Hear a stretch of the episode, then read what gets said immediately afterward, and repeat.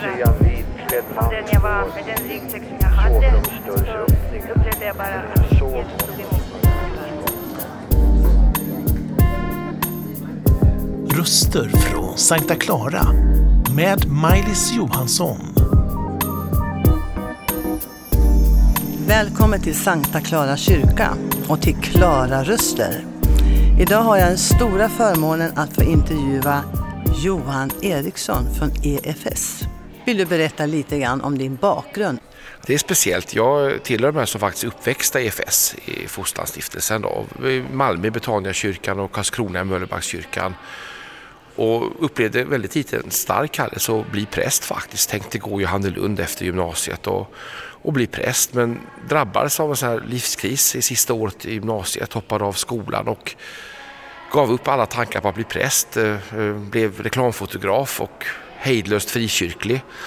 Och eh, lämnade liksom EFS bakom mig som jag tänkte ganska, ja i det läget på 80-talet tyckte jag döende sammanhang och, och, har då gjort en lång karriär, jobbat mycket med reklam och media, eh, både i Sverige och utomlands men landade tillbaka in i kristna så har jag jobbat mycket med kristen media, bland annat har jag varit marknadschef på Livets Ord i nästan tio år och även förlagschef under en period fram till 2011. Och eh, helt ofrappande så hamnade jag faktiskt tillbaka i FS igen som kommunikationschef och bor faktiskt då i en tjänstebostad med familjen på Johannelunds teologiska högskola och inser att alla de människor som jag skulle ha lärt känna då för 32 år sedan, det är de jag jobbar med idag till stor del. Och då tänker jag, men Gud, vad gör du? Hör du alla böner? Så jag blir lite nervös. Jag har en bönechancelleringslista just nu. Jag säger att de här bönerna, Gud, får du inte höra för då blir det problematiskt. För det finns någonting väldigt speciellt med att uppleva en kallelse. Det är att Gud antagligen eh, har sin plan. Och det som är fascinerande för mig är att allt det jag har gjort genom livet, både liksom i den profana världen men också i, i den kristna världen, på något sätt kommer väldigt bra till hans i mitt nuvarande arbete på EFS för att jag har då förutom att jag är kommunikationschef även ansvar för tidningen Budbäraren som chefredaktör och ansvarig utgivare. Och jag är också insamlingschef ansvarig för insamlingsarbetet. Och jag har jobbat med de här bitarna, gett ut tidningar, varit bokförläggare, jobbat med insamling i många olika sammanhang. Olika typer av media och framförallt har jag jobbat med kommunikation i många sammanhang. Du höll på att komma åt sidan. Men det var någon som drog dig tillbaks. Var det någon som bad för Johan under den här tiden? Ja, det tror jag. Det var många som bad, men framförallt tror jag att det var en vandring med Gud. Jag, jag upplever att jag har väldigt svårt för ordet avfällig. Man kan prata om att kristna ibland kommer till tro, så har man en stark gudsupplevelse, så blir man avfällig på något sätt.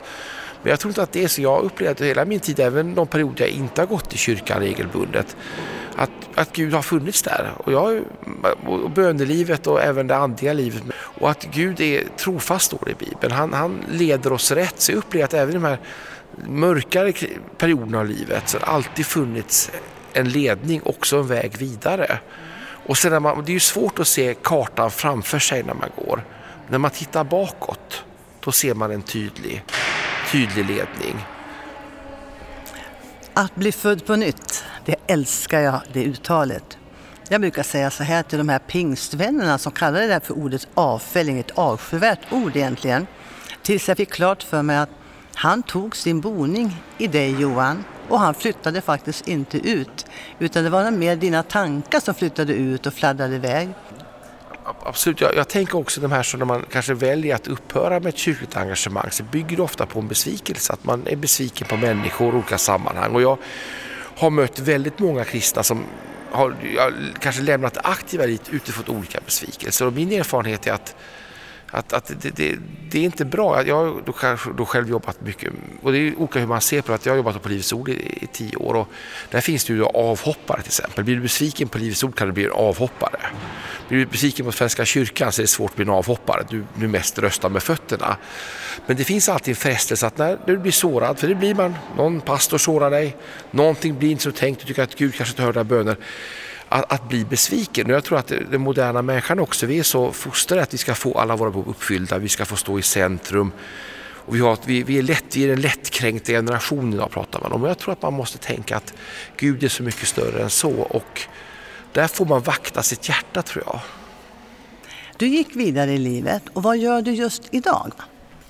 Ja, just idag så är jag då kommunikationschef på det som heter Evangeliska Fosterlandsstiftelsen eller EFS som det förkortas och det är det vi använder. Det är en inomkyrklig rörelse. Sankta Clara där vi sitter här är en del av, av den. Vi är en, en del av Svenska kyrkan men en, en, självständig del och det kan vara svårt att förstå idag. Det är den stora 1800-talsväckelsen som bröt ut tidigt 1800-tal leddes av, av C. Rosenius och, och då ville man vara kvar i kyrkan, man ville inte bilda frikyrka. CFS bildades för lite mer än 160 år sedan som en inomkyrklig rörelse. Vi fick också skicka ut de första missionärerna från Sverige för precis 150 år sedan. Eh, och till och med på Sidas hemsida så står våra tre första missionärer upptagna som svenskt bistånds födelse faktiskt. Och den här väckelsen betydde väldigt mycket för Sverige för det här var ett land i kris, ett u-land. Alltså över en och en halv miljon emigrerade från Sverige till USA av fattigdom eller för att de sökte religionsfrihet. Folk fick ut sin lön i sprit och söp och slog sönder familjerna. Det var ett land i djup kris. Som en del av det så tror jag att eh, väckelserörelsen som vi representerar men också då nykterhetsrörelsen och arbetarrörelsen var med och lyfta Sverige och, och, det är inte så länge sedan egentligen. Det, det är ganska kort historia vi ser på det här. Och vi upplever att vi, vi är kvar i den kallelsen. Att verka för Guds rike i Sverige, att vara en del av Svenska kyrkan men uppmana prästen att predika evangelium och ingenting annat. Att, att ska vara ett stöd i kyrkan i form av frivillighet och annat. Och att sända ut missionärer som vi har gjort i 150 år och än idag har vi ett ja, drygt tiotal missionärer. Eh, Etiopien, ett av våra stora missionsländer. McKinney Jesuskyrkan, idag världens största lutherska kyrka med över 10 miljoner medlemmar, var vi med och grundade då.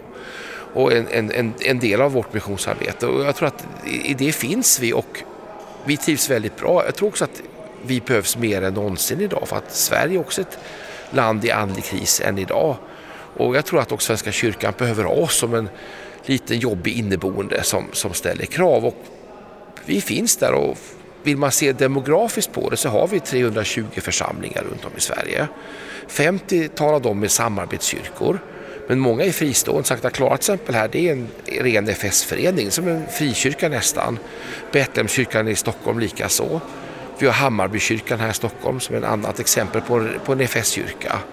Och så finns vi då runt om i Sverige och, och, kanske allra mest uppe i Västerbotten där väckelsen var som starkast. Där, där, där har vi väldigt många, inte minst bönhus kvar. Men demografin förändras. Så det vi ser idag är att vi går från en landsbygdsrörelse till en storstadsrörelse. Eh, det brinner en eld som sagt och det märks när vi pratar. Du talar om det som egentligen smärtar mig när jag intervjuar olika här. Många säger då, när vi hade i mm. Sverige. Nu har Sveriges kristna och Sveriges folk vänt Gud ryggen. Många kristna måste komma tillbaks. De ligger och sover och tycker livet är alldeles utmärkt. Tala om för oss så här på slutet. Vad ska du och jag göra för att Sveriges folk ska komma tillbaks till Jesus som är vägen, sanningen och livet? Det är enda hopp som finns för det här landet. Då ensamheten, sjukdomar, psykisk ohälsa, eh, alkohol, allting har kommit tillbaks till, platt, till nummer ett kan man säga. Och då Jesus faktiskt är en presentation av Sverige som kristet land. Tala om för oss på slutet, vad ger du oss för råd, svenska folk? Vad ska vi göra för att komma tillbaks till Jesus? Tack. Jag tror att vi måste söka evangeliets kärna. Det, det finns alltid en avdrift. Bo sa en väldigt bra sak en gång. Alltså, vad är Kristi kyrka? Då sa han, om vi ser på apostlarna och kyrkofäderna, reformationen, de stora 1800-talsväckelserna och så ser vi en linje genom historien. Då får vi kyrkans riktning vad kyrkan ska vara för någonting. Och det är det arvet vi står på.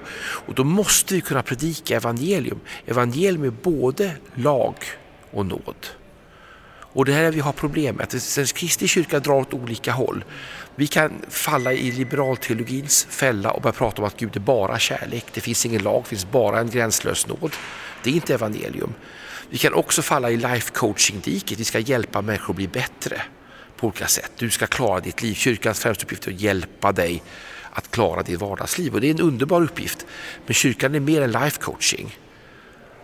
Nåden är det som förändrar oss. Jag tror att vi har en uppgift att säga till kyrkan, det är evangelium vi ska predika. Jesus Kristus så som korsfäst säger Paulus. Det är kyrkans centrum och det är det evangelium vi ska predika till svenska folket. Och det måste vi våga predika i tid och otid. Hur obekvämt det än är så är det Jesus Kristus och som korsfäst som är vårt budskap. Tänk om alla präster i det här landet kunde säga samma sak som du säger. Då skulle kyrkorna vara lika fulla som de faktiskt är på Sankta Clara kyrka. Vill du be en sista bön för alla kristna som har vänt Gud ryggen? Fader, vi, vi kommer inför dig i en bön för alla dina barn i förskingringen. Alla barn som har fått lära känna dig någon gång och sen glömt glädjen i ditt hushåll. Glömt intimiteten i din kärlek och kraften i ditt blod. Herre, jag ber att vi alla på nytt skulle få uppleva din närhet, andens berörelse och kraften i evangeliets, blodets upprättelse. Herre. Så låt det få svepa igenom oss och lyft oss ur vår bekvämlighet. Låt Netflix stängas av och internet paja och, och våra fina bilar gå sönder och allt det som fyller vår tillvaro. Så låt oss fokusera på dig här och söka din vilja och din ledning för våra liv. Amen. Tack älskade Johan Eriksson och Guds frid och Guds välsignelse önskar dig på alla områden i ditt liv. Tack. Tack så mycket. Har denna berättelse berört dig på något sätt? Eller kanske vill du att vi ber för dig? Kontakta oss på info snabel-a sverigeskristnaradio.se